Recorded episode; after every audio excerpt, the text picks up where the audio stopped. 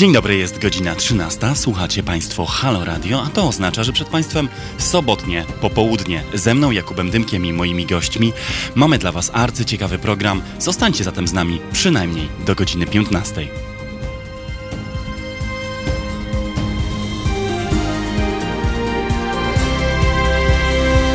Halo Radio.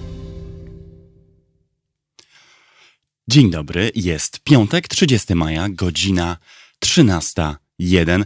Ja nazywam się Jakub Dymek i to jest tradycyjnie, jak o tej porze w sobotę, popołudnie ze mną i moimi gośćmi. Witam wszystkich z Państwa przed komputerami, z telefonami w dłoniach i jakkolwiek słuchacie naszej sobotniej audycji, tradycyjnie można do nas pisać z pytaniami i uwagami do mnie i do moich gości. Adresy mailowe to teraz małpa halo.radio i dymek małpa halo.radio.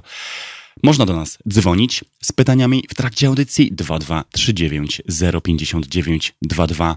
No i jak zawsze, oczywiście, pisać w mediach społecznościowych. Witam wszystkich zalogowanych do czatu w platformie YouTube.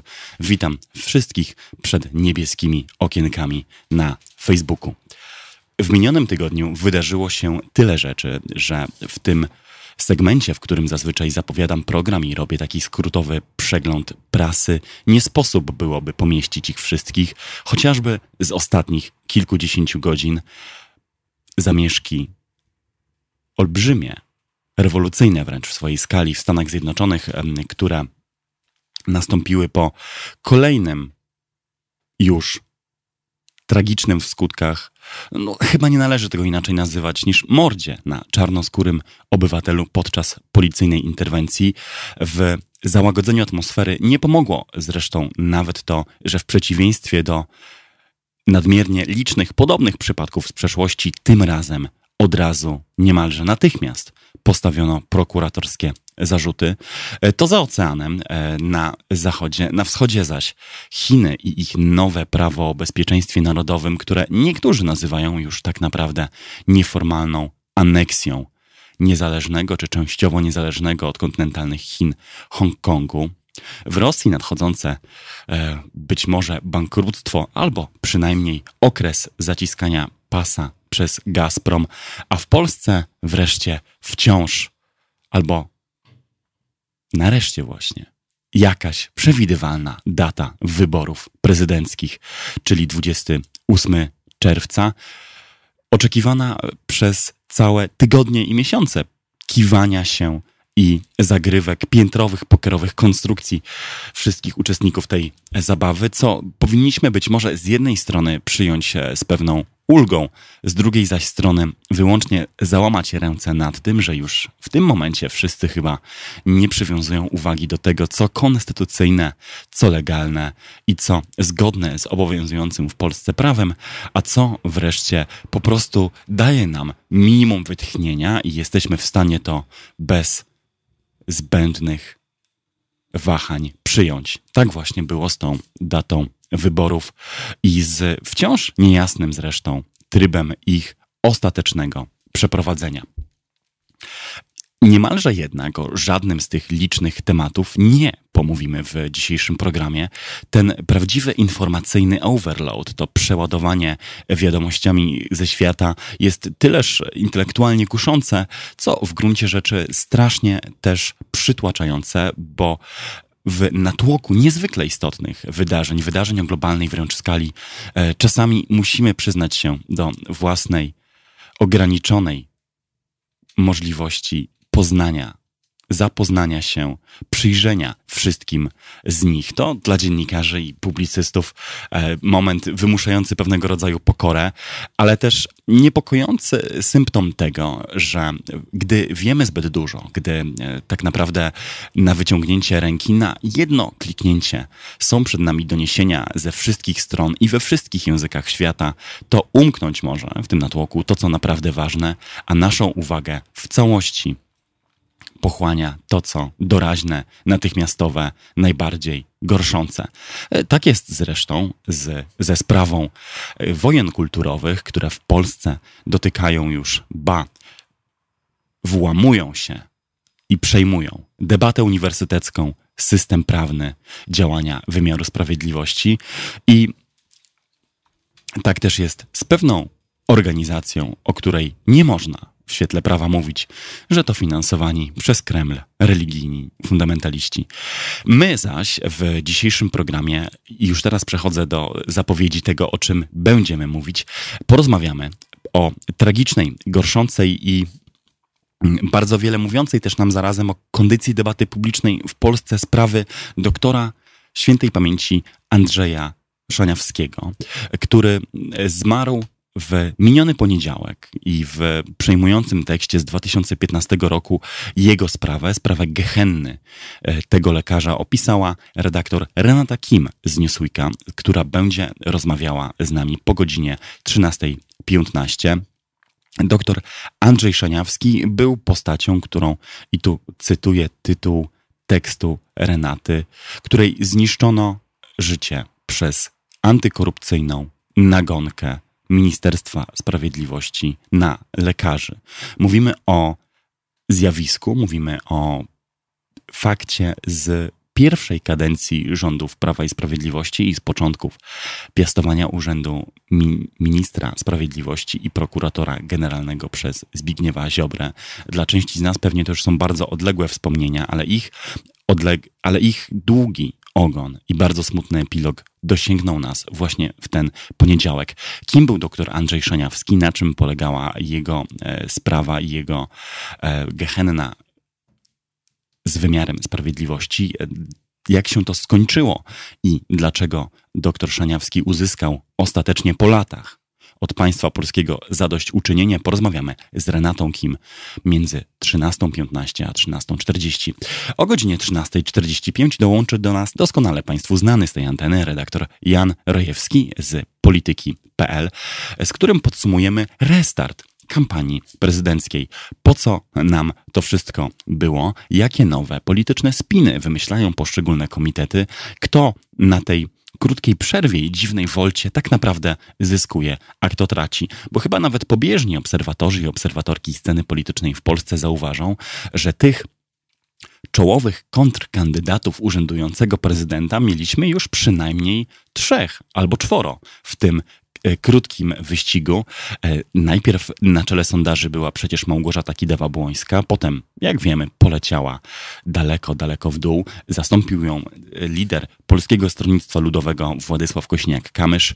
Po nim e, celebryta i prezenter telewizyjny, katolicki publicysta Szymon Hołownia był przez chwilę tym numerem dwa. Teraz, po zmianie kandydata, jest z powrotem na tym drugim miejscu Rafał Trzaskowski, prezydent miasta stołecznego Warszawy. Co to wszystko oznacza i e, jakie pomysły na kampanię tak naprawdę przesądziły o tych roszadach? A może nie było za tym żadnego pomysłu, tylko ślepy traf? Porozmawiamy z Janem Rojewskim od godziny 13. 45. W ostatniej zaś części naszej audycji będzie również znana, choć dawno niesłyszana, redaktor Magdalena Cedro z dziennika Gazety Prawnej, specjalistka do spraw polityki europejskiej, e, z którą omówimy najnowszy, olbrzymi w swoim rozmachu, olbrzymi w swojej skali pakiet stymulacyjny dla gospodarek europejskich, obejmujący na oszłamiającą kwotę 750 miliardów euro. Dlaczego jest to ważne? Czy Polska na tym skorzysta?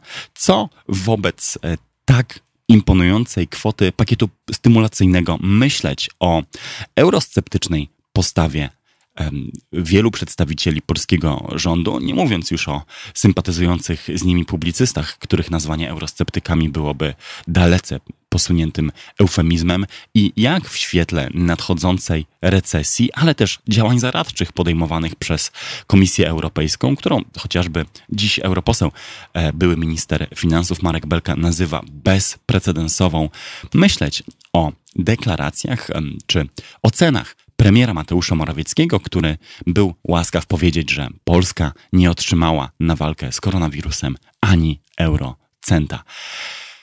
I na tym zakończymy nasze dzisiejsze spotkanie po aż trzech tak zróżnicowanych spotkaniach z trójką świetnych dziennikarzy i dziennikarek. To przygotowaliśmy w dzisiejszym halo radiowym programie do godziny 15. Ja przypomnę, że na Wasze pytania do gości i gościń naszej dzisiejszej audycji czekamy na YouTubie w kanale Halo Radio Live. Tam jestem z Państwem na czacie oraz pod dwoma adresami mailowymi. Bezpośrednio do mnie dymek małpa halo.radio i teraz małpa halo.radio. My zostawiamy Was na kilka minut z Santaną i Smooth. Po tej przerwie muzycznej wracamy z zapowiedzianą bohaterką pierwszej części naszej rozmowy, redaktor Renatą Kim z Newsweeka. Zostańcie z nami.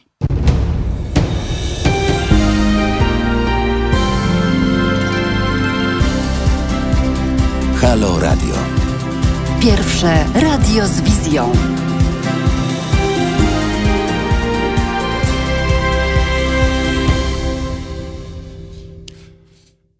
Jest sobota, 30 maja, godzina 13.17, sobotnie popołudnie, Halo Radio. Z nami jest już zapowiedziana gościni pierwszej części dzisiejszej rozmowy, redaktor Renata Kim z Newsweeka. Halo Renato, słyszymy się? Tak, oczywiście. Dzień dobry. Doskonale Cię słyszę. Dzień dobry.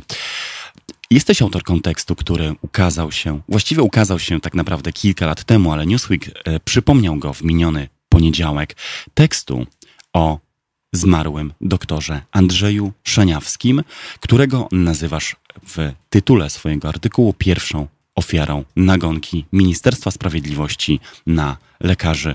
Ja, zanim wejdziemy w szczegóły, chciałbym poprosić Cię, żebyśmy przypomnieli w ogóle, o jaką sprawę tutaj chodzi i o historii, z jakich lat mówimy w tym materiale.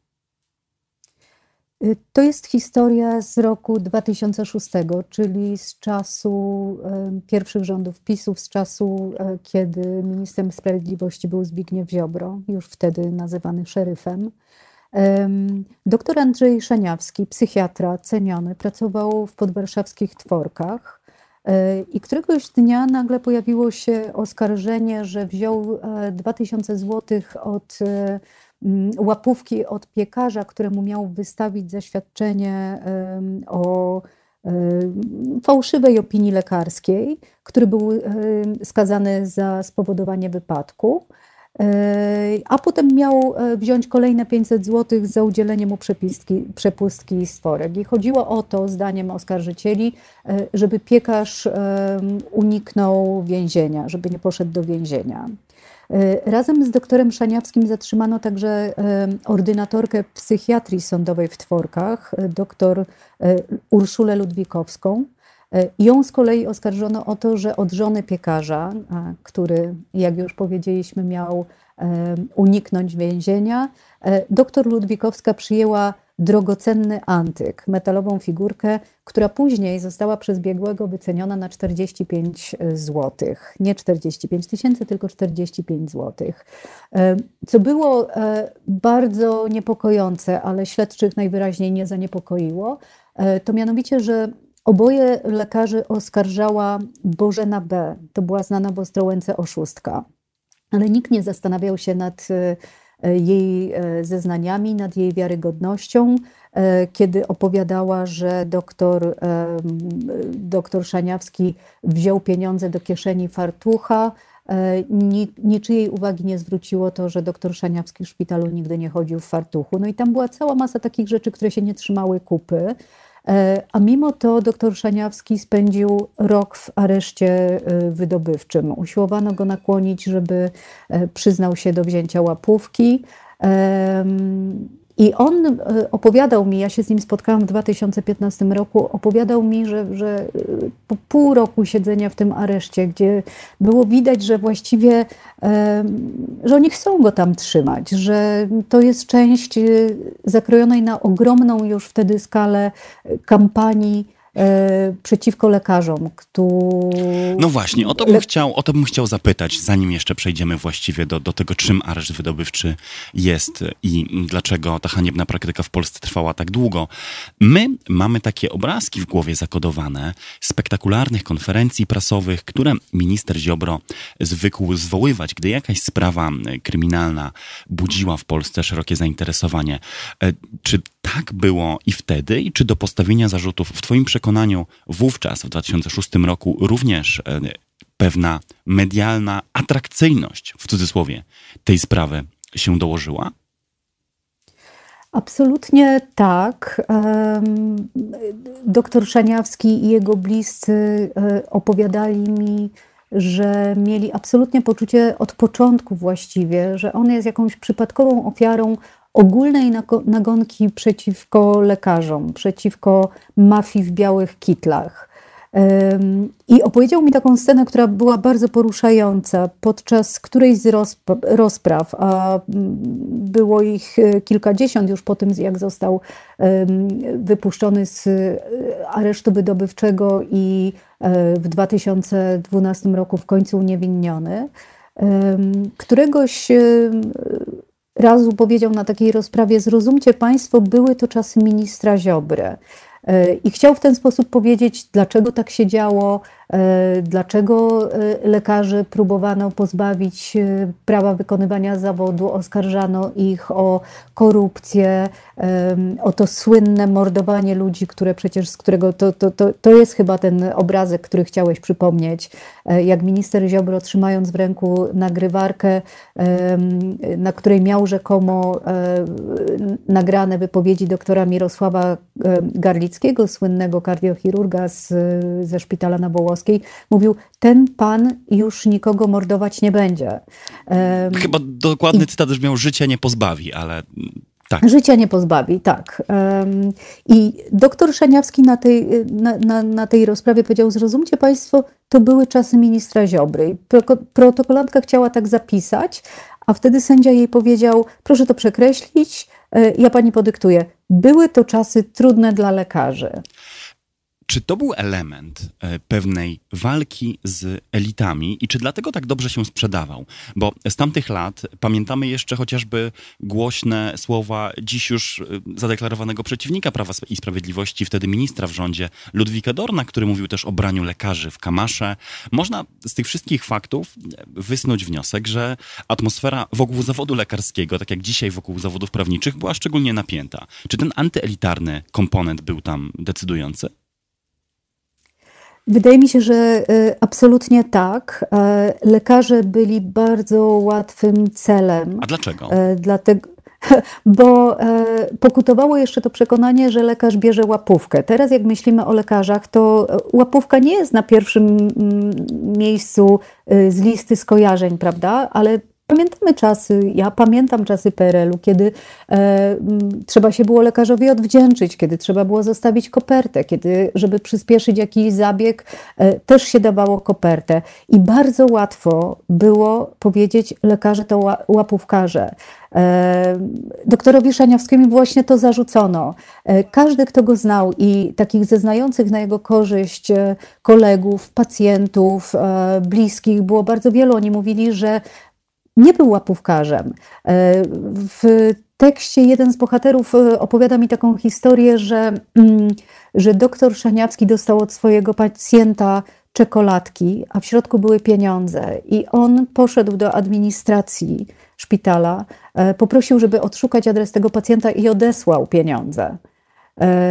I w związku z tym to oskarżenie o, o, o, to, że wziął 2000 zł było takie absurdalne, ale ono było bardzo łatwym wytrychem. Doktor e, Mirosław G., słynny Mirosław G., czyli Mirosław Garlicki, e, ten podstawowy zarzut wobec niego to było o to, że, że, że brał mnóstwo łapówek.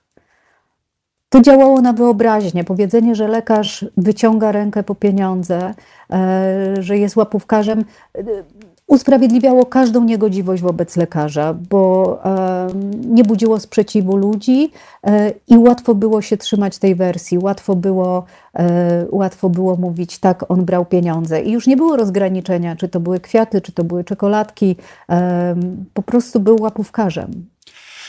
Powiedz mi, bo tak podpowiada mi intuicja, czy i w tym przypadku było tak, że głośniejsze było samo oskarżenie niż późniejszy sądowy proces, a najcichszym czy najmniej spektakularnym elementem tego procesu ostateczne uniewinnienie i upadek zarzutów o to, że e, doktor Szaniawski faktycznie jakąś łapówkę przyjął. Dokładnie tak było. E, kiedy proces się zaczynał, e, był relacjonowany na przykład przez Piotra Pytlakowskiego z polityki. Kiedy doktor Szaniawski po latach został uniewinniony, właściwie mało kto o, się o tym dowiedział. Ja w ogóle nie miałam pojęcia, że taka sprawa była, nie zajmowałam się nigdy sprawami sądowymi.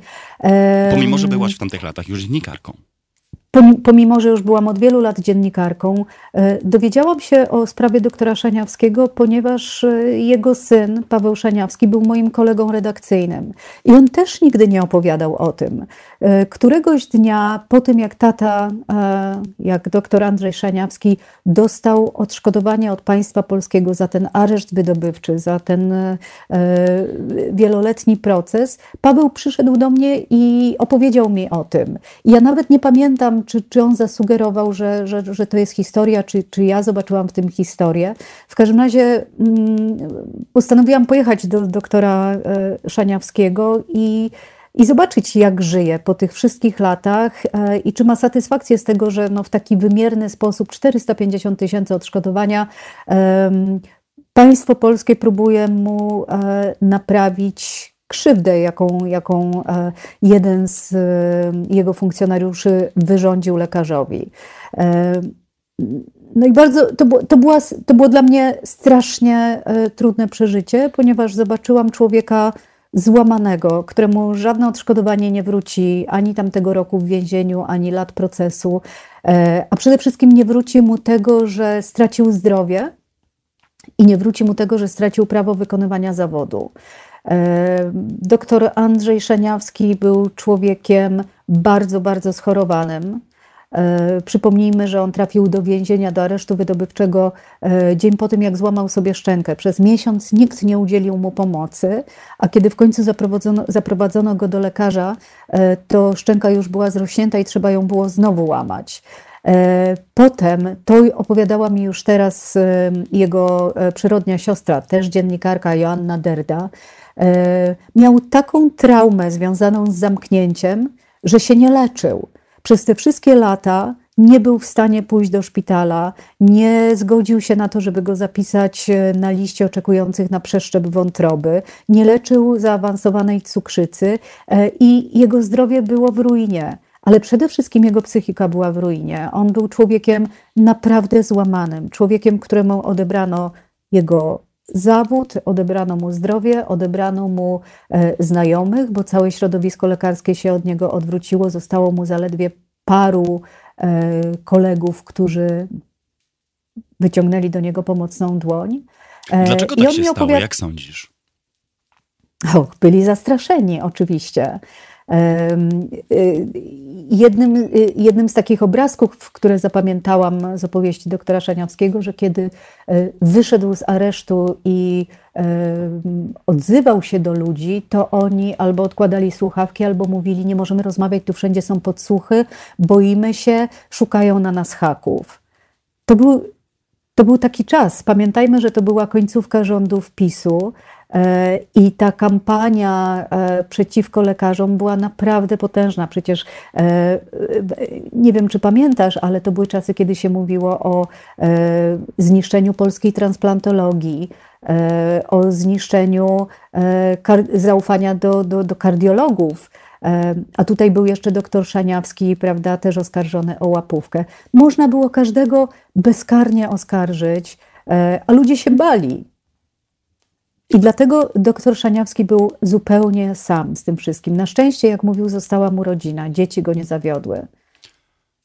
Ale bali się władzy, bali się. E, nie brakowało im cywilnej odwagi do wystąpienia, nie chcieli ich słuchać dziennikarze, media wówczas były nieskłonne informować o takich sytuacjach? Jak myślisz? Bo powodów może być wiele.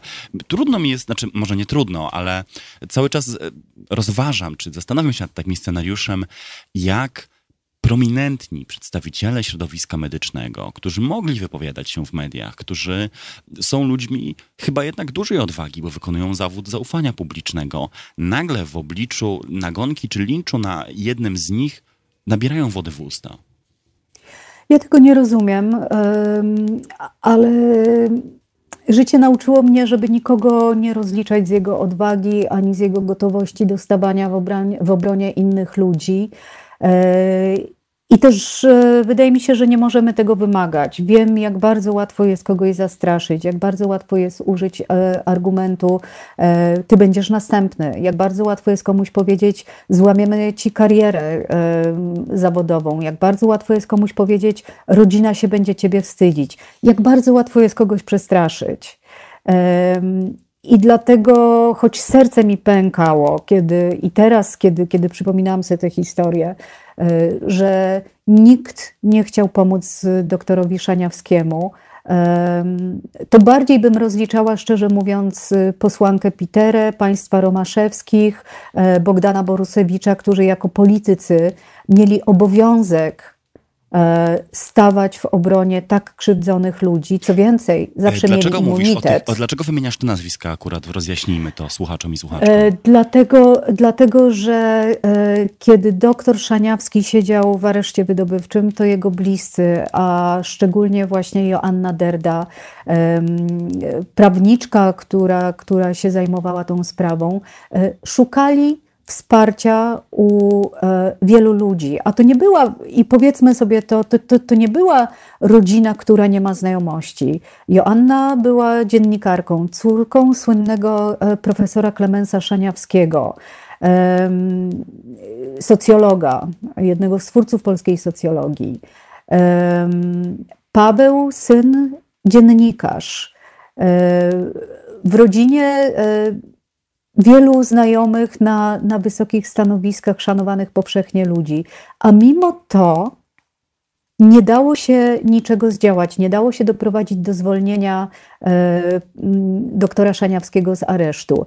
E, i to, co e, najbardziej mną wstrząsnęło, to było to, że e, szukali także pomocy właśnie u Julii Pitery, u Bogdana e, Borusewicza, u państwa Romaszewskich. I wszyscy po kolei mówili, tak, tak, to jest wstrząsająca sprawa, ale potem nie robili z nią nic. A Bogdan Borusewicz powiedział coś, co no, myślę, mogło absolutnie załamać rodzinę.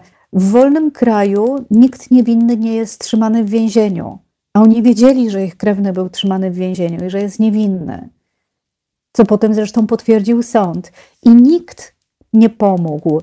E, I sprawa e, odwróciła się dopiero wtedy, kiedy usłyszał o niej profesor Andrzej Rzepliński, który wtedy pracował w fundacji, w Helsińskiej Fundacji, Fundacji Praw Człowieka, tak. A potem dowiedział się o niej nieżyjący e, już Marek Edelman. To ich gniew i to ich zaangażowanie e, sprawiło, że, e, że wreszcie sąd usłyszał e, prawdziwe argumenty i że wreszcie ta sprawa zaczęła być rozpatrywana zgodnie z protokołem, bo przypominam, że wcześniej nawet obrona doktora Szaniawskiego nie miała dostępu do jego akt.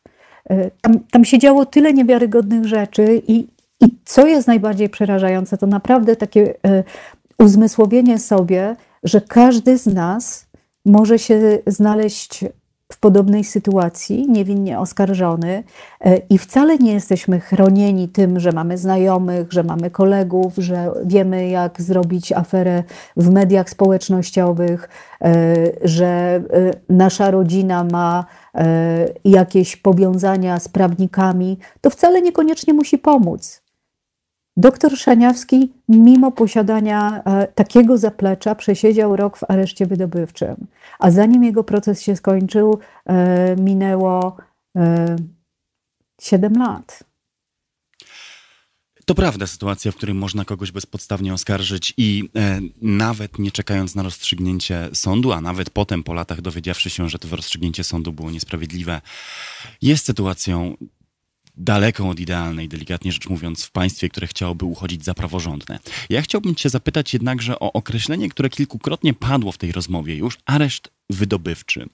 My tak o tym mówimy, jak gdyby to była normalna czy przyjęta praktyka, ale przecież to jest zupełnie pozaprawne, e, nielegalne nieistniejące w porządku konstytucyjnym rozwiązanie, a nazywanie, e, nazywanie tego, co spotkało doktora Szaniewskiego aresztem wydobywczym może tylko, mam obawę, stworzyć takie fałszywe wrażenie, że to była normalna procedura. Powiedzmy więc, co tak naprawdę mamy na myśli, kiedy używamy tego pojęcia areszt wydobywczy.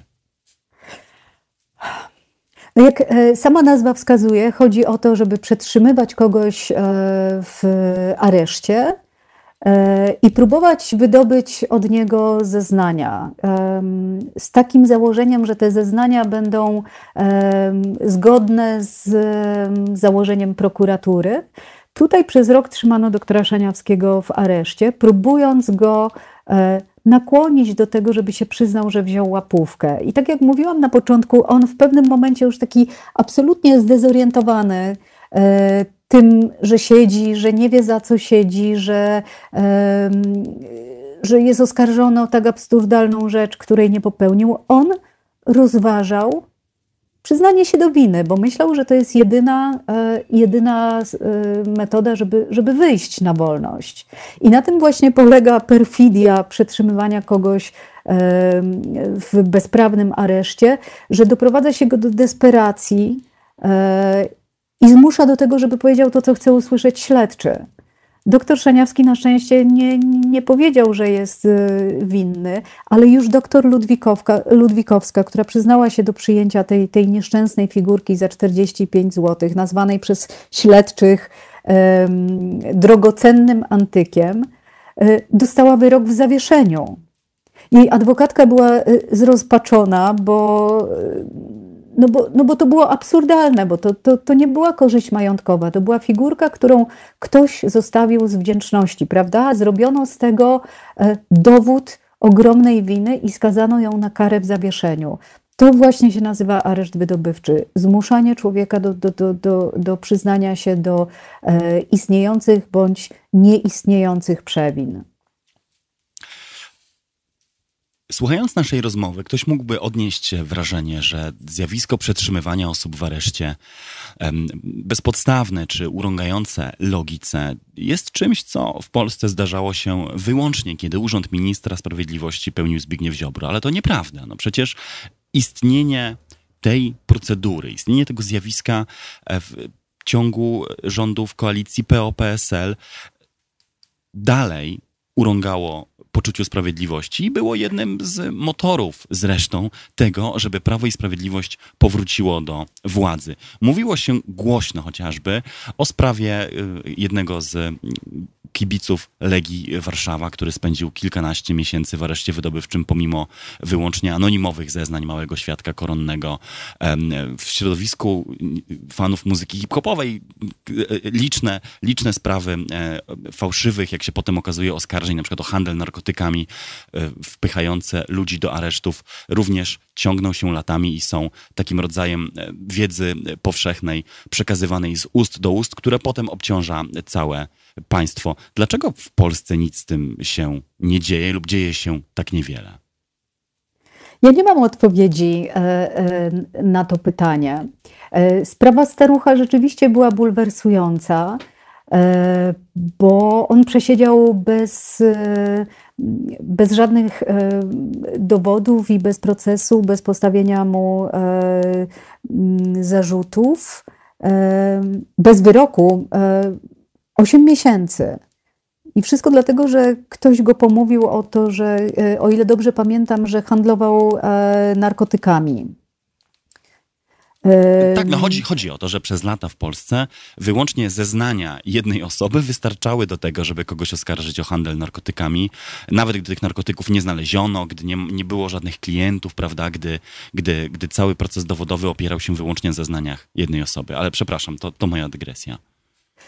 Ja myślę, że problem polega na tym, że e, za każdym razem, kiedy wykorzystuje się prokuraturę do jakichś celów politycznych, e, to jest to prosta ścieżka do tego, żeby, żeby komuś, e, e, kogoś skrzywdzić, komuś zniszczyć życie, komuś odebrać kilka miesięcy albo kilka lat życia, e, bo z jakiegoś powodu, najczęściej właśnie takiego, żeby pokazać, że walczymy, że jesteśmy sprawni, że państwo jest silne, że prokuratura działa, po prostu poświęca się kogoś i, i przetrzymuje się go z nadzieją, że albo wyzna to, co chcielibyśmy usłyszeć, albo my mu to w jakiś sposób dowiedziemy.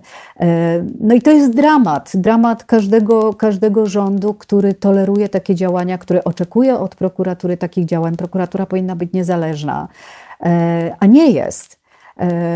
I teraz, jak, jak, to powiedziałam, to przypomniało mi się, że e, tylko w ostatnich dniach przecież mamy, mamy kolejny dowód, że prokuratura działa na, na, na zlecenie władza, władza, konkretnie e, Zbigniewa Ziobry, bo przecież jest głośna swego czasu, głośna rok temu sprawa e, pracownika sieci handlowej IKEA, który został zwolniony za to, że w dniu, w którym w firmie ogłoszono Dzień Solidarności z osobami LGBT, on postanowił się podzielić swoimi przemyśleniami na temat e, e, moralności e, takich osób i użył do tego cytatów z Biblii. Został zwolniony. E, Państwowa Inspekcja Praca, Pracy badała potem zasadność tego zwolnienia. Nie dopatrzyła się e, żadnej przewiny ze strony sieci IKEA. E, ten mężczyzna został zwolniony, ponieważ naruszył wewnętrzne przepisy firmy i w ogóle naruszył przepisy. Nie można, te, te cytaty z Biblii, żeby, żeby było jasne, one miały obrazić osoby homoseksualne i też pokazać, jakie stanowią zagrożenie dla społeczeństwa. I oto Zbigniew Ziobro absolutnie się nie przejął tym, że Państwowa Inspekcja Pracy nie dopatrzyła się tam żadnych uchybień i nakazał prokuraturze zajęcie się tą sprawą. I oto prokuratura tak się zajmowała przez ostatni rok, że teraz e, postawiła zarzuty kierowniczce, która zwolniła tego homofobicznego mężczyznę.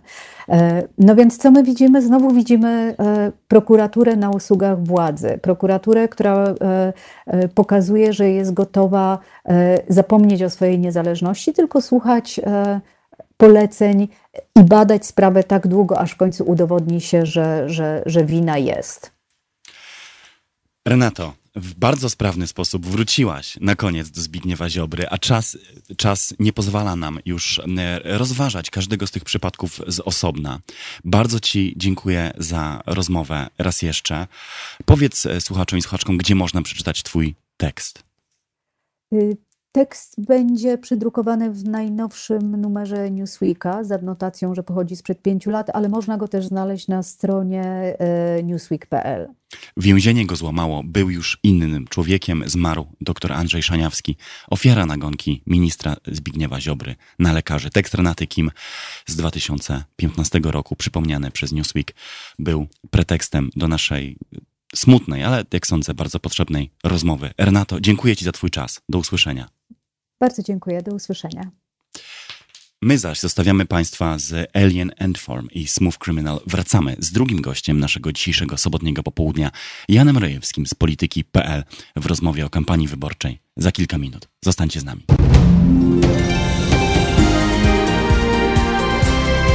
Halo Radio. 13.48, Jakub Dymek, sobotnie popołudnie, Halo Radio. Dzień dobry. Raz jeszcze z nami jest już na słuchawce doskonale Państwu znany z tej anteny, nie wymagający specjalnie obszernych introdukcji, Jan Rojewski, Polityka.pl. Halo Janku, dzień dobry. Mm, dzień dobry Państwu, cześć Kuba. Cześć. Mm, umówiliśmy się na rozmowę o restarcie kampanii e, wyborczej, więc może bez, e, bez tańca dookoła tego tematu, który jest już chyba oczywisty w tym momencie.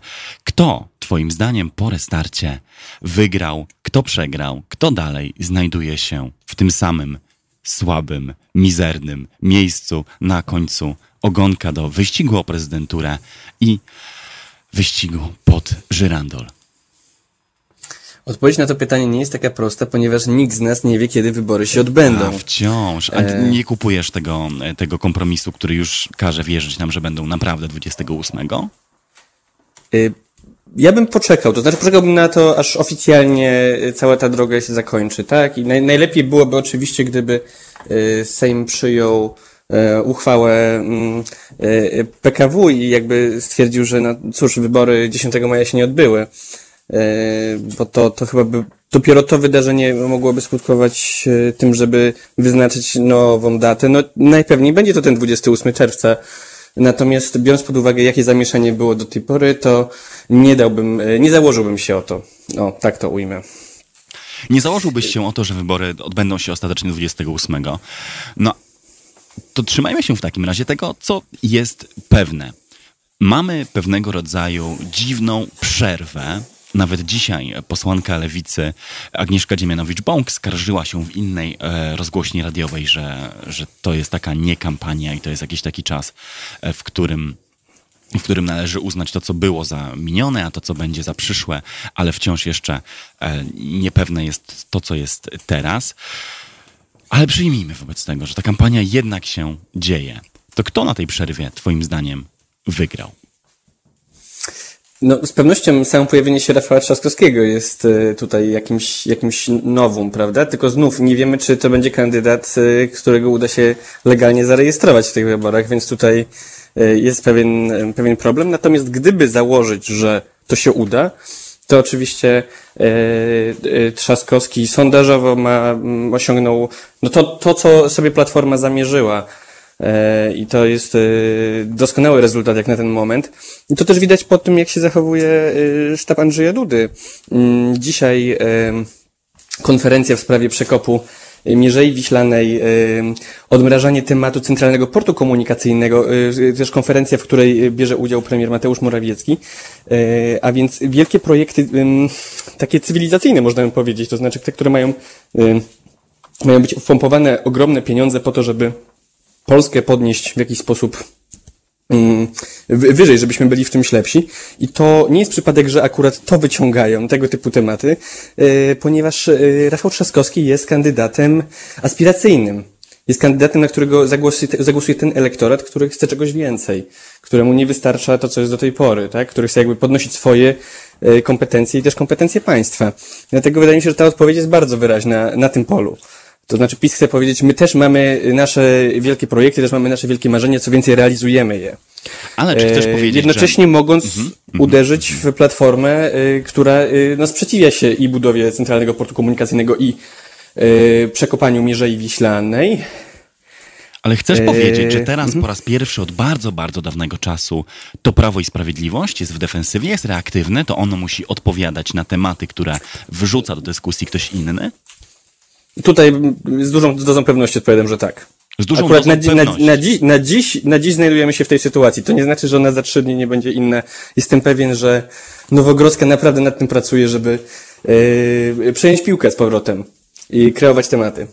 No ale to jest pochwała wobec, e, nazwijmy to już szerokim obozem antypisu, która na tej antenie pada bardzo, bardzo rzadko. No, wiemy to obydwaj, bo w podobnych rozmowach spotykaliśmy się tutaj nieraz, więc chyba pewnego rodzaju precedens.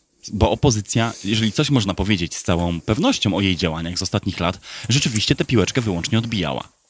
Jest to precedens, y, ale też jest to precedens z tego powodu, że dzieją się rzeczy, które politologom się nie śniły. To znaczy y, sytuacja, w której wyciąga się kandydata na dwa miesiące, czy na miesiąc przed y, wyborami, nawet jeżeli jest to osoba publicznie znana, i on absolutnie kosi konkurencję, tak? To jest fakt tego, co się dzieje z kampanią Roberta Biedronia. To jest rzecz, której może nie tyle, żebyśmy się nie spodziewali, co według pewnych takich prawideł życia politycznego ona się nie powinna wydarzyć, tak? Emmanuel Macron przygotowywał swój start ponad dwa lata. E, na dwa lata przed wejściem do Pałacu Elizejskiego już e, pewne witryny internetowe były wykupione przez, A ile lat przez my jego sztaby. na polskiego Macrona, patrz.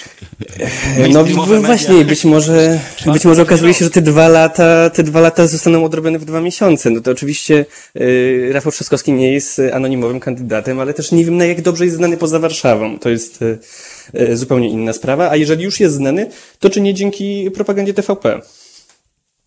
To jest absolutnie, to jest absolutnie scenariusz nie do wykluczenia.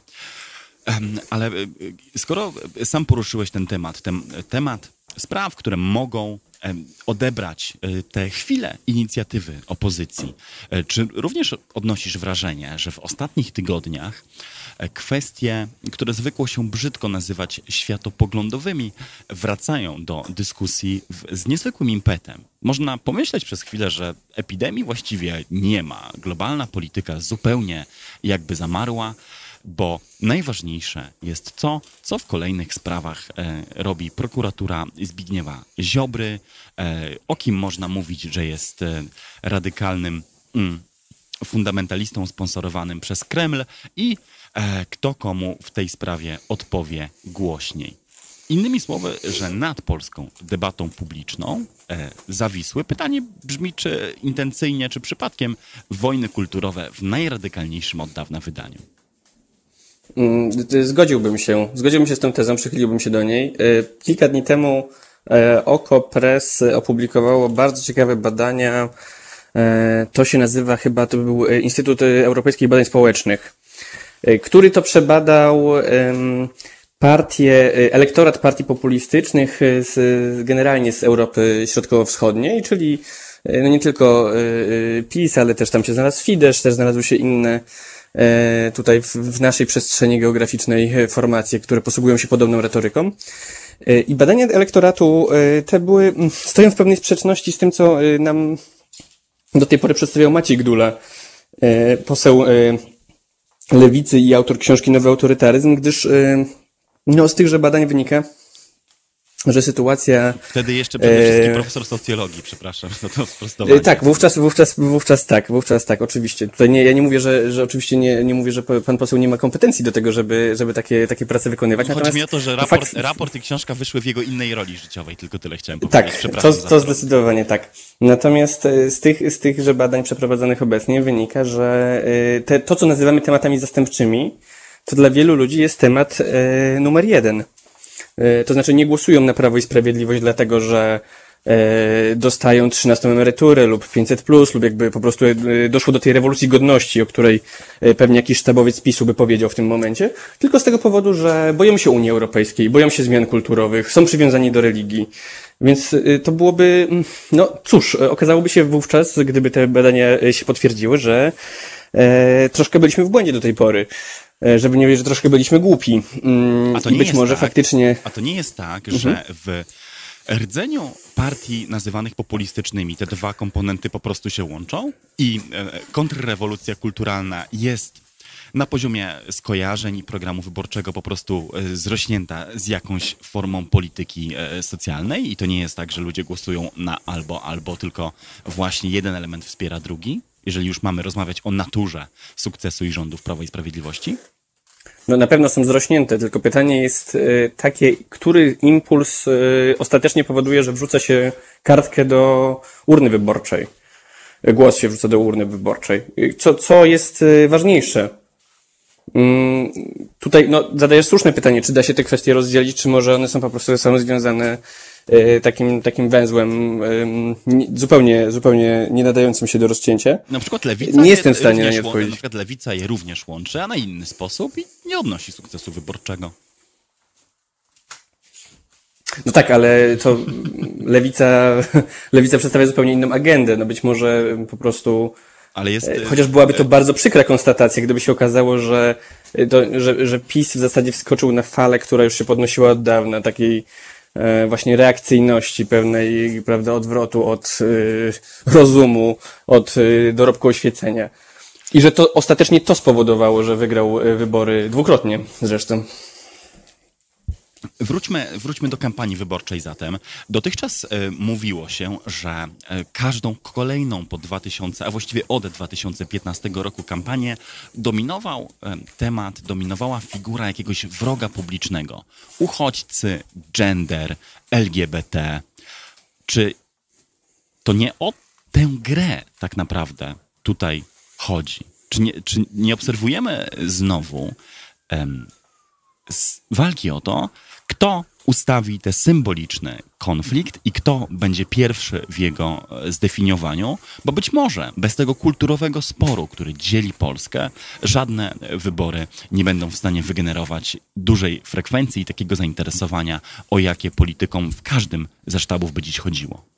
Czy za daleko? E, nie mam wątpliwości, że jeżeli byśmy zapytali pytanie, kto ten spór sformułuje, to będzie to obóz rządzący, ponieważ no, z prostej przyczyny nikt inny nie dysponuje takim arsenałem, nikt inny nie ma e, telewizji naziemnej na, na wyłączność. E, więc jeżeli ktoś będzie te tematy kreować, to, to Prawo i Sprawiedliwość. Pytanie jest takie, czy oni potrafią te tematy wymyślić na nowo.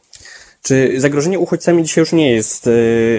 No, być może da się to jakoś od, odświeżyć, ale nie jestem pewien, czy, czy, czy na pewno nawet nie, nie miałoby takiej siły rażenia jak w 2015 roku. Jaki temat obecnie by grzał? To znaczy, moje pytanie jest takie, czy im się czasem te tematy nie wyczerpują? tak, zagrożenie LGBTQ i tak dalej, ile razy to można odgrzewać, ile razy można tym straszyć, ile razy ten, kiedy ten lęk stanie się oswojony. E, I to jest na pewno bardzo ważne pytanie dla Jacka Kurskiego, jego otoczenia, czy jak to, jak to odświeżyć tak, żeby, żeby wydawało się nowe, a nie wydawało się zgrane? I co będzie tutaj rezonować w elektoracie Prawa i Sprawiedliwości, bo być może faktycznie jest tak, że e, tego się już zwyczajnie odgrzać nie da, a, albo przynajmniej nie ze takim skutkiem jak ostatnio. Jak patrzysz na natychmiastową wręcz zwyżkę, skądinąd znaną e, znam e, premię za start, premię za nowość Rafała Trzaskowskiego i równoczesny czy równoległy spadek Roberta Biedronia. Politycy lewicy próbują nas przekonać e, teraz, że wcale nie są to fenomeny połączone, że wcale nie ma tutaj relacji przyczynowo-skutkowej. No ale ty politykiem nie jesteś, nie, nie ciąży na tobie żaden przymus bronienia tej czy innej kandydatury, więc chciałbym zapytać cię wprost, czy jeden drugiemu dziś szkodzi i czy jest to gra o sumie zerowej, w której to poparcie musi przelewać się z jednego obozu do drugiego, a więcej wygenerować się go zwyczajnie nie da? Na wszystkie te pytania odpowiedź brzmi tak. Za bardzo się dzisiaj ze mną zgadzasz, Janku. No przepraszam, że aż podniosłem głos, ale tak tej rozmowy nie możemy prowadzić. No, no dobrze, no to może y, postaram się jakoś to rozwinąć. Y, największym problemem lewicy jest to, że jako taki szeroki lewicowy elektorat nie istnieje w Polsce. Wynosi być może 3%, być może 2%. A Włodzimierz Czarzasty mówi o 20%. No. E, no to się myli w takim razie. No to znaczy, ja operuję tutaj badaniami e, CEBOS-u, one być może nie są doskonałe, ale innych nie mamy, jeżeli chodzi o, o elektoraty i dlaczego popierały różne partie w październikowych wyborach zeszłorocznych. Y, do parlamentu i, i, wynika z nich, że elektorat lewicy jest najbardziej liberalnym ekonomicznie elektoratem. Więc zwolennicy, są, są, są to zwolennicy prywatyzacji, zwolennicy niskich podatków. Odbierania 500 y, plus, to było, to było ciekawe, jeżeli wierzyć tym badaniom. Bardzo możliwe, tak? Tak, był, był Natomiast... sondaż, no, przepraszam, że ci wejdę w słowo, zaraz ci oddam mhm. głos. Był, był, był, był sondaż, który pytał wyborców poszczególnych partii, czy w czasach kryzysowych można odebrać świadczenie 500 plus i jeżeli wierzyć temu jednemu badaniu, to największy odsetek zwolenników tego poglądu, że w czasach kryzysu należy 500 plus odebrać, był właśnie wśród wyborców lewicy. No więc właśnie, więc to, to oznacza tylko to, że na lewicę głosowano z innych przyczyn. Głosowano dlatego, że utożsamiono ją e, z ostrym sprzeciwiem wobec zaostrzenia ustawy e, antyaborcyjnej. E, utożsamiono ją z marszem czarnych parasolek, z prawami mniejszości seksualnych. To spowodowało, że, że lewica zyskała ten elektorat. Natomiast w tym momencie spokojnie z tymi samymi wartościami może być utożsamiony Rafał Trzaskowski. E, przez sekundę nawet e, Szymon Hołownia dzierżył, e, chociaż jest to oczywiście paradoksalne ze względu na jego poglądy, ale przez sekundę Szymon Hołownia dzierżył ten elektorat, tą tutaj laskę pierwszeństwa. No, w tym momencie, w tym momencie to spokojnie może być Trzaskowski, to nawet nie jest naciągane, prawdę mówiąc, tak? To znaczy, przez to, że podpisywał tutaj mm, kartę LGBT mm, w Warszawie i no generalnie przez całą jego agendę to, to jest człowiek, który się raczej, raczej okoniem nie, nie stawał wobec takich progresywnych postulatów. No raczej, patrz, raczej je popierał, krytycy, chociaż może nie jakoś żywiołowo, ale, ale tak. Trzaskowskiego i jego kandydatury mówią, że nie zrealizował żadnego z postulatów To też jest prawda. to też jest prawda. E, oczywiście, natomiast chodzi mi o myślę, że sam fakt e, podpisania i, i uczestniczenia w marszach e, równości jest wystarczający, żeby w tym konkursie piękności, którym są wybory prezydenckie, kojarzyć się z tą agendą. A Robert Myślę, że to może w zupełności wystarczyć. w paradach równości? E, oczywiście uczestniczył, ale e, tu jest inny problem i to jest niestety, no przykro mi to mówić, ale jestem przekonany, że jestem przekonany, że kampanii Roberta e, Biedronia najbardziej cięży polska homofobia. To znaczy, że w sytuacji kryzysowej e, jakoś podświadomie mm, wyborcy decydują, że nie jest to osoba, której chcieliby powierzyć swój los. Tak samo było z e, Małgorzatą Kidełą-Błońską, której ciążyło to, że jest kobietą. Obawiam się, że lepszego wytłumaczenia nie znajdziemy. W tym momencie Biedronia próbuje się troszeczkę przykryć Agnieszką Dziemianowicz-Bąk, yy, pokazać jakby startowali w duecie. No trochę można powiedzieć, że PiS robi coś podobnego, yy, dodając Morawieckiego do kampanii Dudy. Yy, zobaczymy. Nie, nie sądzę, żeby to przyniosło jakiś gigantyczny efekt. Myślę, że tutaj Trzaskowski już ten elektorat sobie będzie zabezpieczać i tak lewica osiągnie fatalny wynik w tych wyborach, niezależnie czy odbędą się teraz, czy za miesiąc, czy kiedykolwiek. W najbliższej przyszłości. Jakie są Twoim zdaniem takie widełki definiujące e, zwycięstwo i porażkę dla poszczególnych komitetów? Innymi słowy, jak niski wynik musiałby osiągnąć Robert Biedroń, Rafał Trzaskowski czy Szymon Hołownia, żeby e, było to uznane powszechnie za porażkę i także olbrzymi cios dla jakichś idei czy e, symboli, które chcieli w tę kampanię ze sobą wnieść. Co jest pewnym progiem bólu tutaj w Twoim przekonaniu dla tych komitetów? Myślę, że nie tyle chodzi o wynik e, procentowy, co o kolejność. To znaczy, jeżeli w przypadku Roberta Biedronia okaże się, że Krzysztof Bosak osiągnął lepszy wynik, czyli propozycje cywilizacyjne kompletnie odrębne, inna wroga e, tej reprezentowanej przez lewicę, no to będzie to, to można nazwać tego skrajną porażkę. Na szczęście i dla lewicy, i dla, no chociaż Hołownia nie, to zły przykład. Na szczęście i dla lewicy, i dla PSL-u, który też nie sądzę, żeby um, osiągnął satysfakcjonujący wynik, dlatego że apetyt był na znacznie więcej. Apetyt był nawet na prezydenturę w pewnym momencie. E, więc teraz 6%, no nikt nie będzie klaskać chyba z tego powodu. Na szczęście dla obu formacji wybory parlamentarne są dopiero za 4 e, lata, 3 lata. E, I, I w związku z tym, nawet jeżeli w tym momencie dojdzie do pewnego przetasowania, to de facto nikt nie będzie miał jak się na nim skapitalizować. Nawet jeżeli w tym momencie Krzysztof Bosak osiągnie wynik rzędu 7-8%, to nie będzie miał jak tego przelać na, na posiadanie posłów w parlamencie. Musiałby to utrzymać przez trzy lata. No to jest nie lada sztuka. Nie, nie sądzę, żeby mu się udała. Podobnie rzecz ma się z Hołownią, który nie ma swojego zaplecza politycznego. I teraz znowu pytanie, czy on będzie w stanie tą energię polityczną y, wy, wytwarzać i zabezpieczać przez, przez bardzo długie trzy lata. Y, to mógł, mogło się to udać Kukizowi, który miał bardzo krótki czas między jednym a drugim. To było pół roku. Więc bardzo udaną kampanią prezydencką i później to, to 20% w kampanii prezydenckiej przelało się na jakieś tam 5 czy 6 w, w kampanii parlamentarnej. No ale to było pół roku. Trzy lata wydaje mi się, że w tym wypadku byłyby zabójcze.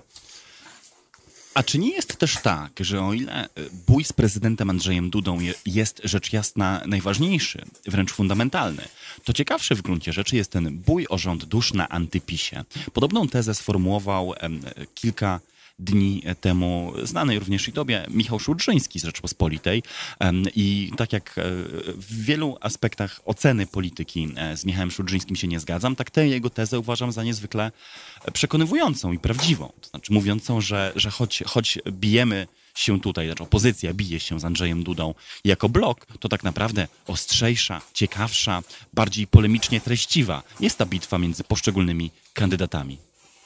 Zgodziłbyś się z tą tezą? Z, z, punktu widzenia obserwatora, z punktu widzenia kogoś, kogo interesują ciekawostki, tak, który potrzebuje jakiejś takiej e, codziennej podniety, to być może tak. Z punktu widzenia racji stanu nie wydaje mi się. E, no, Hołownia na pewno wniósł jakąś świeżość i na pewno w pewien sposób e, e, zorganizował elektorat, który do tej pory nie był e, przekonany na przykład w ogóle, żeby głosować, tak? E, natomiast e, ostatecznie, ostatecznie i tak będę, będę bronić tej tezy, że jego zaangażowanie pójdzie na konto Platformy Obywatelskiej, bo nie ma gdzie indziej iść. Mm, być może, być może Hołownia chciałby zakładać w tym momencie swoją, swoją partię, ale nawet jeżeli, to będzie ona e, li tylko koalicjantem lub przystawką dla PO, bo po prostu wybory z Trzaskowskim przegra. Zbliżamy się do końca. E, więc ja ten cenny czas chciałbym e, ostatecznie spożytkować na kwestię fundamentalną e, i tak ważną, jak już w tym momencie zapomnianą i pogrzebaną. Co z faktem? Czy co ty osobiście myślisz sobie, gdy zastanawiasz się nad tym, że w momencie, w którym jesteśmy dziś na koniec maja, opozycja w gruncie rzeczy zapomniała, że wybory, w których weźmie udział, będą według kryteriów, które sama przyjęła, niekonstytucyjne, nielegalne i wątpliwe. Czy to jest jakiś punkt yy, graniczny, w którym należy już uznać, że mamy e, całkowite zwycięstwo postmodernizmu i trzeba się z tym pogodzić? Postpolityki na pewno, mm -hmm, tak. Mm -hmm. Czy da się z całą, z całą pewnością. To znaczy, y, oczywiście te wybory będą bardzo średnio legalne y, w sytuacji, w której te poprzednie zresztą się nie odbyły. Natomiast y, tutaj zgadzam się z tym, co mówi opozycja w zasadzie jednym głosem. Drugi raz nie będziemy w stanie nikomu opowiedzieć historii o bojkocie to jest nie do powtórzenia. Odsunęliśmy katastrofę Niestety... i musimy się z tym pogodzić, tak? Że, że, że lepiej już tak, nie będzie. Tak to wygląda w tym momencie, tak. Politycznie jest to narracja, którą ja rozumiem, ale co to robi z naszym prawem? Niestety, co wciąż. To jest bardzo ciekawe, y, to tak jeszcze tylko mogę wtrącić jeszcze. Proszę. Czytałem dzisiaj y, naprawdę ciekawą rozmowę z, z Borysem Budką y, na łanach portalu TVN24. Y, I mm, bardzo mi się podobało, w sensie takiej z perspektywy obserwatora, jak Borys Budka rozgrywał y, sytuację z Jarosławem Gowinem, przedstawiając go w zasadzie jako swojego człowieka. E, I kończył tą wypowiedź tutaj może takim nieroztropnym zdaniem, mówiąc, nie wiem dlaczego on to zrobił. Hmm. Nie wiem dlaczego on to zrobił, ponieważ osobiście nie poniesie, nie odniesie żadnych korzyści politycznych z tego tytułu. Z tytułu stawania okoniem wobec Jarosława Kaczyńskiego. I to też dobrze mówi nam, prawda, jakie, mm, jaka tu jest stawka moralna y, y, i o czym, o czym wolno nam rozmawiać, o, o co wolelibyśmy przemilczeć, tak? Czy Borys Budka jako polityk, który rozumiem, że stawia na skuteczność, ostatecznie, e, ostatecznie dziwi się zachowaniu Gowina. To jest taka, no tylko w ramach takiej ciekawostki, jakby co jest tak naprawdę istotne. Istotna jest skuteczność. Co też oczywiście w jakiś sposób rozumiem, natomiast y, może bywać to przykre. Rozmowę z Borysem Budką w magazynie TVN24 przeprowadzili Arleta Zalewska i Krzysztof Skurzyński. Ja chciałbym e, pogratulować ko kolegom i koleżance z TVN24, bo przeprowadzić ciekawą rozmowę z Borysem Budką to wcale nie jest takie łatwe zadanie. Tak, no i do, przy okazji dowiedzieliśmy się, jaki był na przykład wystrój gabinetu Grzegorza Schetyny. Tak, to To jest jest dosyć fascynujący fragment. Nie, nie, to, to, to absolutnie pomimo, pomimo uśmiechów które, na naszych twarzach, które Państwo słyszycie, nie jest ironiczna uwaga. Gratulujemy Arlecie Zalewskiej i Krzysz- Krzysztofowi Skurzyńskiemu tej rozmowy z Borysem Budką. Ja zaś dziękuję Janowi Rojewskiemu z polityki.pl za te ostatnie ponad 20 minut. Myślisz, że jesteśmy teraz mądrzejsi w kwestii kampanii? Czy Nie, wciąż, nie sądzę. wciąż musimy przyznać się No, do dopóki nie odpowiemy sobie na sytuacji? fundamentalne, na fundamentalne pytanie, kiedy odbędą się wybory i kto je będzie organizować, to obawiam się, że, że nie, nie będziemy mądrzejsi. I tym słowem Natomiast y, kampanijnie na pewno coś się dzieje i, i tak na pewno będzie ciekawie, jeżeli to ciekawość y, jest dla Państwa ważniejsza niż święty spokój. I tak dwaj publicyści młodego pokolenia przyznali się, że wyłącznie są w stanie bić pianę.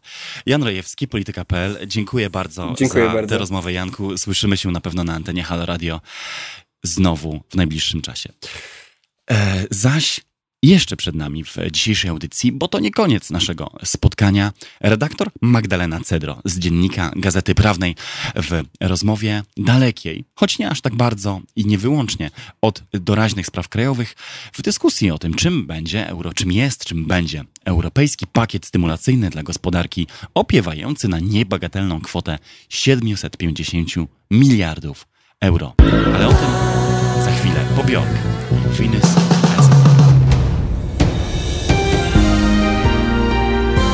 Halo Radio.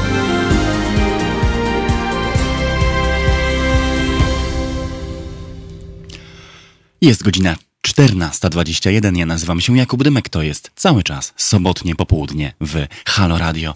Jeżeli przegapiliście Państwo pierwszą część naszego dzisiejszego programu, nic straconego. Nasze sobotnie podcasty lądują zazwyczaj w poniedziałkowe poranki na wszystkich serwisach podcastowych. Czy będzie to Spotify, Apple Podcasts, Google Podcasts, czy dowolna inna usługa, z której korzystacie Państwo, by pobierać podcasty, a także oczywiście nasza strona halo.radio. Tam możecie znaleźć i odtworzyć nie tylko tę sobotnią audycję, ale wszystkie minione, do czego bardzo gorąco zachęcam. My zaś mamy już na słuchawkach kolejną, ostatnią w dzisiejszym programie rozmówczynię, zapowiedzianą redaktor Magdalenę Cedro z dziennika Gazety Prawnej. Halo Magdalena, słyszymy się? Słyszymy się? E, Słyszymy się, dzień dobry. Dzień dobry. No, ja mam delikatny pogłos sam z siebie na słuchawkach, ale możemy e, spróbować tak czy inaczej, pomimo delikatnych niedogodności, porozmawiać. E, Chciałbym podpytać Cię, czy chciałbym rzucić temat funduszu pomocowego dla państw Unii lub funduszu stymulacyjnego dla gospodarek państw Unii, bo nie ma nawet chyba do końca jeszcze zgody, jak należy właściwie o tym olbrzymim, wielkim strumieniu pieniędzy mówić. Z czym my mamy do czynienia, co to jest, jak należy właściwie fachowo, prawidłowo, zgodnie z właściwą terminologią określić ten wynalazek. E, rzeczywiście przez długi czas e, nie było na to nazwy. Roboczo nazywano to planem naprawczym. Wcześniej e, proponowała jeszcze przewodnicząca Komisji Europejskiej Ursula von der Leyen, by nazywać to nowym planem Marszala dla Europy. Ta nazwa się nie przyjęła również z takich powodów merytorycznych. Natomiast dzisiaj Komisja Europejska proponuje, by nazywać to planem dla przyszłego pokolenia Unii Europejskiej, ale ta nazwa plan naprawczy czy pakiet stymulacyjny jest moim zdaniem równie dobra. Polski rząd z kolei nazywa to Europejskim Funduszem Odbudowy, więc ile rzeczywiście nazw powstało sporo. Również mówi się o tym jako o inicjatywie francusko-niemieckiej, aczkolwiek kanclerz e, Niemiec Angela Merkel wspólnie z prezydentem Francji Emmanuelem Macronem wysz, e, wyszli ze swoją inicjatywą nieco później niż sam plan naprawczy, naprawczy został przez e, Komisję Europejską zaproponowany. Mamy, tak naprawdę mamy do czynienia, no tak, tak wiele nazw nazywa program, który ma uratować gospodarkę europejską, czy gospodarki europejskie od zapaści. Mm, został on przygotowany, był on planowany głównie pod gospodarki południa Europy, najbardziej dotknięte y, kryzysem wywołanym przez pandemię koronawirusa. Ale jak się dowiadujemy z planu zaprezentowanego. Tak, kolejnym, ale tym razem po, po, powiedzmy w ogóle niezawinionym, ponieważ rzeczywiście no, można się zastanawiać, czy to, czy to dlatego, nie wiem, że Włosi, y, nie wiem, y, nie przestrzegali restrykcji tak bardzo jak, y, nie wiem, Niemcy czy Polacy i dlatego to ognisko pandemii było tak duże, ale, ale chyba nie o to chodzi. I to jest bardzo dużo pieniędzy. To jest 750 miliardów euro. To jest 3 czwarte europejskiego budżetu na 7 lat. Powiedzmy, Czym ten program właściwie jest? Bo możemy na chwilę odejść od sporów o terminologię, ale czy to są na przykład te przysłowiowe pieniądze z helikoptera, czy to są przelewy do budżetów, czy to są pożyczki i czemu one mają służyć? E, rzeczywiście jest bardzo duża debata, co to ma być. E, Komisja Europejska zaproponowała, żeby pół e, biliona euro poszło bezpośrednio do krajów członkowskich w formie grantów, czyli w formie dotacji pomocy bezzwrotnej. Natomiast 250 miliardów euro to będą pożyczki, które trzeba będzie, czy to kraje członkowskie, czy firmy, czy regiony będą musiały zwrócić. I te pieniądze rzeczywiście Unia Europejska zamierza pożyczyć na, na rynkach, więc tych pieniędzy jeszcze nie ma, natomiast y, pożyczymy je i będziemy je spłacać przez 30 lat od 2028 roku. By to jednak y, zrobić, Unia Europejska, wszystkie kraje członkowskie muszą wyrazić na to zgodę, udzielić swoich y, gwarancji, a to nie jest tak proste, ponieważ są kraje, jest to tak zwana czwórka najbardziej oszczędnych krajów, która nie chce się zgodzić na bezzwrotną pomoc i oni woleliby, żeby każdy kraj po wzięciu y, tych pieniędzy z Unii później je oddał. Mm, no, Włosi już dzisiaj mówią, że dla nich dużo, lepsze, dużo lepszym rozwiązaniem byłyby te korona obligacje słynne, czyli uspólnotowienie długu. To jest rozwiązanie trochę pośrednie, ale i tak, jest ono e, bardzo nowatorskie jest to pomysł, który może stać się motorem, takim kołem zamachowym unijnej integracji w przyszłości, ponieważ będziemy mieć wszyscy wspólny dług do spłacenia. Chyba nic tak nie zbliża jak wspólne długi. No, nic tak też może niektórych nie podzielić, ale powiedz mi, e, nowych elementów jest w tym programie chyba więcej, prawda? To jest w pewnym sensie precedensowe zupełnie rozwiązanie na więcej niż jednym polu. Tak, to jest rzeczywiście to jest rzeczywiście coś, z czym do tej pory Unia Europejska y, nie miała do czynienia. E, chodzi również o y, nie tylko o to, skąd te pieniądze się wezmą, czyli właśnie ze wspólnego zadłużenia, ale również w jaki sposób będą spłacane, ponieważ y, kraje nie będą Zgodnie z, zgodnie z tym pomysłem to będzie pomoc bezzwrotna, natomiast długi będzie spłacać sama Unia Europejska z nowych e, środków własnych, z nowych paneuropejskich podatków i tych danin ma być rzeczywiście sporo. Ma to być już e, długo dyskutowany podatek cyfrowy, ale też podatki od największych korporacji, które mają obrót powyżej 750 milionów euro roczny. Mm, to będzie również kwestia chociażby handlu pozwoleniami do emisji CO2. I to jest również te 750 miliardów euro. Nie będą, te pieniądze będzie można dostać i wydawać, ale nie bez żadnych warunków. I takim warunkiem będzie realizacja priorytetów Unii Europejskiej, czyli zazielenianie gospodarek bądź też cyfryzacja. I to jest y, również bardzo istotna wiadomość dla Polski, ponieważ Polska nie będzie tego mogła wydać na przykład, nie wiem, na E, inwestycje węglowe, gazowe czy, czy, czy, czy jakiekolwiek inne, które nie są związane z ochroną środowiska i walką ze zmianami klimatu. Centralny port komunikacyjny, przekop Mierzei Wiślanej? Chyba nie, chyba nie. Chyba możemy o tym, o tym zapomnieć. Natomiast e, wiatraki, e, nowe zielone, e, zielone technologie, e, cyfryzacja, to tak. Sama nawiązałaś już do tematu polskiego, więc nie ma sensu od niego dalej uciekać. Powiedz mi, na czym polega polityczna kontrowersja wokół tego planu pomocowego, dlaczego najpierw pojawiły się informacje, że Polska rzekomo miałaby do niego dopłacić, które natychmiast wzbudziły żywe zainteresowanie najwyżej postawionych osób w państwie i prowadziły do takich e, pospiesznych, dość kategorycznych komentarzy. Skąd wzięło się e, takie poczucie, czy taka obawa, że my do tego dopłacimy, będziemy stratni i że to jest coś, z czym Polska e, powinna postępować bardzo, bardzo ostrożnie?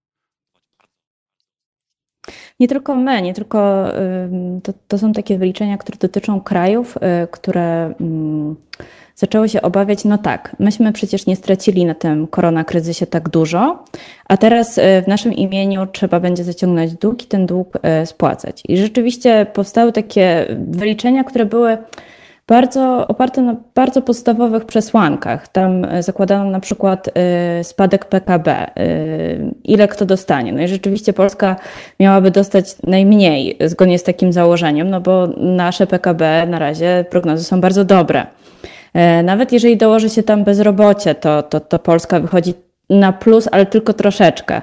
To, w jaki sposób Komisja Europejska rozdzieliła te pieniądze, nie wiadomo. Rzeczywiście nie podaje, tutaj, nie podaje się tutaj kryteriów, ale z pewnością ta kwestia tego, kto jest biedny, kto jest bogaty, y, kto, kto jeszcze dogania, y, y, ma tutaj istotne znaczenie, ponieważ Europa Środkowa nie wychodzi wcale tak źle. No i my zdecydowanie nie będziemy płatnikiem, ponieważ mamy dostać 64 miliardy euro to jest czwarta największa oferta, największa pula pieniędzy dla jakiegokolwiek kraju członkowskiego. Wyprzedzają nas tylko mocno poturbowane Włochy i Hiszpania oraz y, Francja. Zaraz za nami są Niemcy.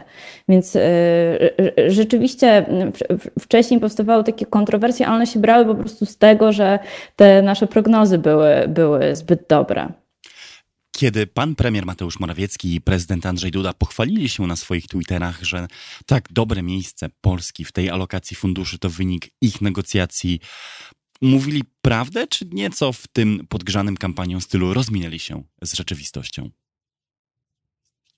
Znaczy jest rzeczywiście tak, że Komisja Europejska tak y, zaprojektowała ten fundusz, czy, ten, czy też plan naprawczy, żeby każdy był zadowolony.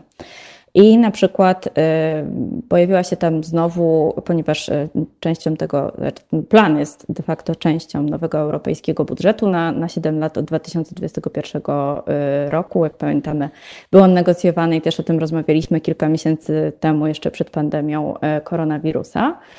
I e, w tymże, e, w tymże budżecie znalazł się znowu pomysł rabatów. To jest ten słynny brytyjski e, rabat wynegocjowany lata temu przez, przez rząd brytyjski. Dzisiaj Wielkiej Brytanii już nie ma w Unii Europejskiej, natomiast ten rabat zostanie nadal utrzymany i to jest ukłon w kierunku Holandii która, i Danii, które, które z tego rabatu korzystały. Nie ma tam na przykład jako pomysłu nowych dochodów własnych podniesienia wpływu do tego unijnego budżetu, na przykład z ceł, co również bardzo cieszy Holandię. To jest również, również ukłon w tym kierunku. Na pewno, na pewno taka informacja dla polskiego obywatela, że oto Polska stanie się płatnikiem funduszu, który ma ratować e, Europę z gospodarczej e, opresji. No, ta, taka informacja zdecydowanie mogłaby mrozić e, krew w żyłach. No przecież my nadal jesteśmy tym krajem biedniejszym, co z tego, że nasze, nasze PKB nie zostanie osłabione, skoro i tak w porównaniu z gospodarkami zachodnimi nie jesteśmy jeszcze krezusami. I rzeczywiście tak, tak zaprojektowano i tak poukładano te słupki, że, żeby uzyskać zgodę wszystkich wszystkich krajów, a i tak najprawdopodobniej y, te negocjacje będą bardzo trudne. Przy czym trzeba oczywiście pamiętać, że y, te pieniądze to jest sporo, ale musimy je wydawać w odpowiedni sposób i na odpowiednie inwestycje, więc to jest taki powiedzmy połowiczny, y, powiedziałabym, sukces albo trzy czwarte sukcesu, o którym mówi polski rząd. Czy przegłosowanie, bo do tego jeszcze nie doszło, no ale czy ostateczne przegłosowanie i wdrożenie tego planu może być okupione politycznym celem porzucenia walki na przykład z wewnątrzunijnymi rajami podatkowymi. Bo jak sama zauważyłaś, no jest to plan, czy jest to pomysł, który w jakimś aspekcie musi zadowolić wszystkich. A wiemy, że część, część z państw, które mogłyby mieć obiekcje, jak na przykład Holandia, Luksemburg czy Irlandia, rozgrywają równolegle nie mniej istotną i dotyczącą również finansów kwestię tego, czy można w wewnątrz Unii Europejskiej prowadzić podatkowy dumping i zachęcać do inwestowania u siebie zachodnie, zagraniczne, przepraszam, międzynarodowe korporacje, które korzystają z niskich stawek podatkowych. Czy ta batalia e, będzie taką ceną za to, że bez większych politycznych sporów i na zasadzie kompromisu wdrożymy ten olbrzymi pakiet stymulacyjny? To jest bardzo ciekawy, to jest bardzo ciekawy e, wątek rajów podatkowych. E, Holandia jest największym rajem podatkowym w Unii Europejskiej i tak się składa, że e, najbardziej walczy z pomysłami na przykład wspólnego długu czy zwiększenia wkładu do wspólnego europejskiego budżetu. Więc wydaje mi się, że to nie jest cena, tylko to jest raczej bardzo, bardzo poręczny argument, który coraz częściej na razie przez publicystów, i w kuluarach przez dyplomatów jest podnoszone, ale rzeczywiście, jeżeli Holandia będzie, mm, e, będzie nadal stawiała tak silny opór i mówiła nie wszelkim próbom właśnie na przykład wspólnego długu, pomocy dla najbardziej poszkodowanych pandemią e, gospodarek, czy podniesienia właśnie tych składek e, państw członkowskich do budżetu, to być może właśnie takie rozwiązania na paneuropejską e, skalę walki z rajami podatkowymi i przywracania, ponieważ pamiętajmy też, że jeżeli korporacje decydują się na przeniesienie swoich zysków do Holandii i tam odprowadzają podatki, to, odprowadza, to, to przenoszą tam swoje zyski z innego kraju, na przykład z Francji, która jest. Francja i Niemcy to są dwa kraje, które najbardziej na tych e, transferach zysków e, tracą.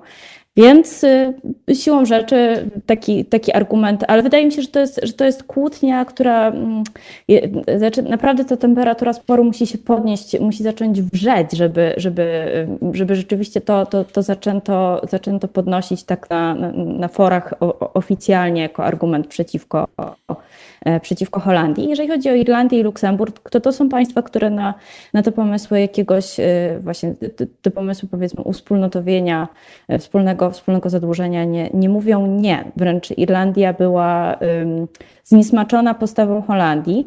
I chciałabym również zwrócić Ale przepraszam uwagę cię, na to, co przepraszam się cię, dzieje w Niemczech, ponieważ... Przepraszam cię, przepraszam. Tak? Mówią nie zdecydowanie za to walce z wewnątrz unijnymi rajami podatkowymi. No, w tym sensie tutaj ich kompromisowa, czy, czy taka bardziej spolegliwa postawa nie wyklucza ich dużo bardziej radykalnego sprzeciwu w tej mm, pierwszej działce. Tak, tak, tak, oczywiście. Mhm. Przepraszam, wszedłem ci w słowo. Także on, spór między Irlandią a Holandią polega na. Polega na tym, że Irlandia wymiksowała się z, mm, z, to jest tak zwana nowa Hanza, czyli porozumienie krajów północy, które są bardziej oszczędne, bardziej nastawione na, na wspólny rynek, mniej właśnie na z bardzo dużym dystansem podchodzą do zacieśniania więzów w strefie euro. Natomiast kiedy Holandia upierała się, że nie ma mowy o korona obligacjach i o wspólnym zadłużeniu, to Irlandia postanowiła po prostu trzasnąć drzwiami i z tej nowej, nowej Hanzy wyjść, ponieważ Irlandia jest dużo bardziej e, nastawiona kompromisowo, jeżeli chodzi o, o, o wykuwanie tego nowego planu naprawczego i pomocy dla Unii Europejskiej. Magdaleno, zanim skończymy, bo czas zaczyna nas gonić, chciałbym Cię zapytać o coś, co w wywiadzie dla mojego tygodnika, dla przeglądu mówi e, Marek Belka, a zwraca on uwagę na to, że w kwestii tych negocjacji właśnie nawet frakcje uznawane za eurosceptyczne, e, jak europejska frakcja konserwatyw, konserwatystów i reformatorów, do której także należy Prawo i Sprawiedliwość, zachowują się niezwykle pro-wspólnotowo. Czy można w taki najbardziej skrótowy, wulgarny sposób powiedzieć, że tego rodzaju program jest czymś, co na pewien przynajmniej czas zamyka usta eurosceptykom i populistom, czy byłby to nadmierny publicystyczny skrót, bo takiego fenomenu wcale nie ma i te głośne, żywe spory o rolę Unii Europejskiej i e, centralizację wrócą prędzej czy później?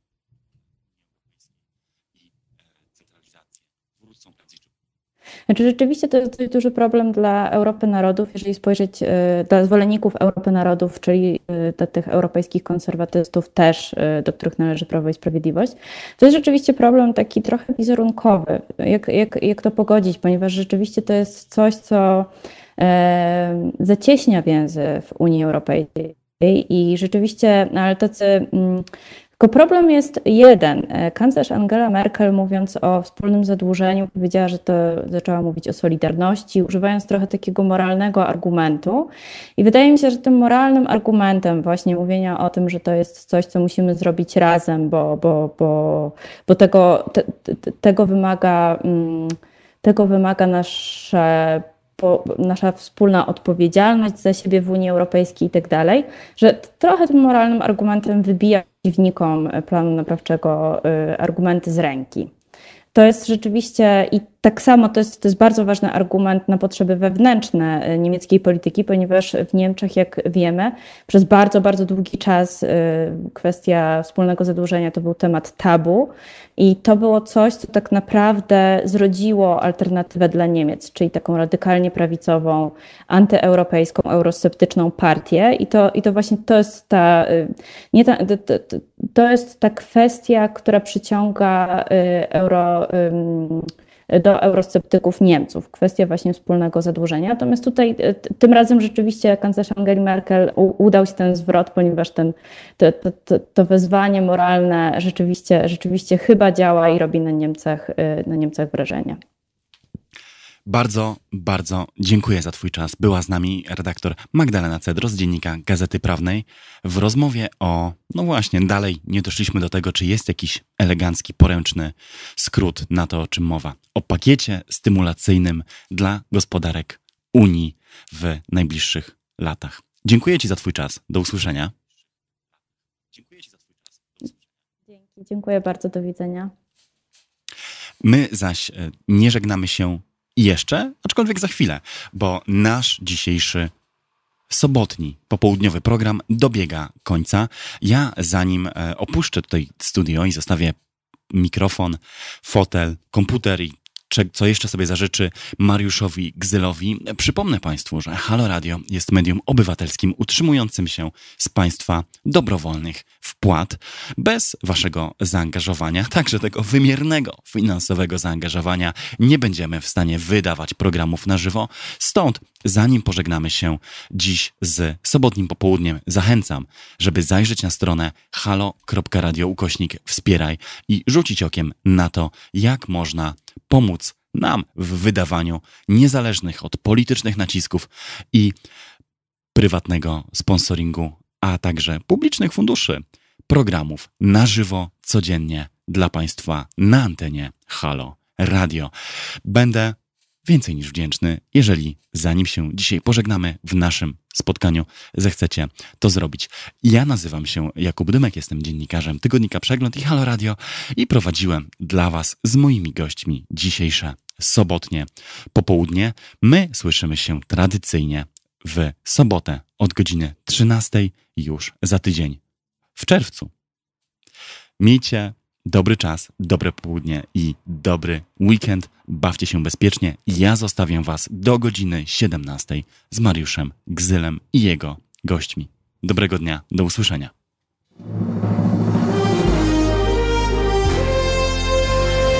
To proste.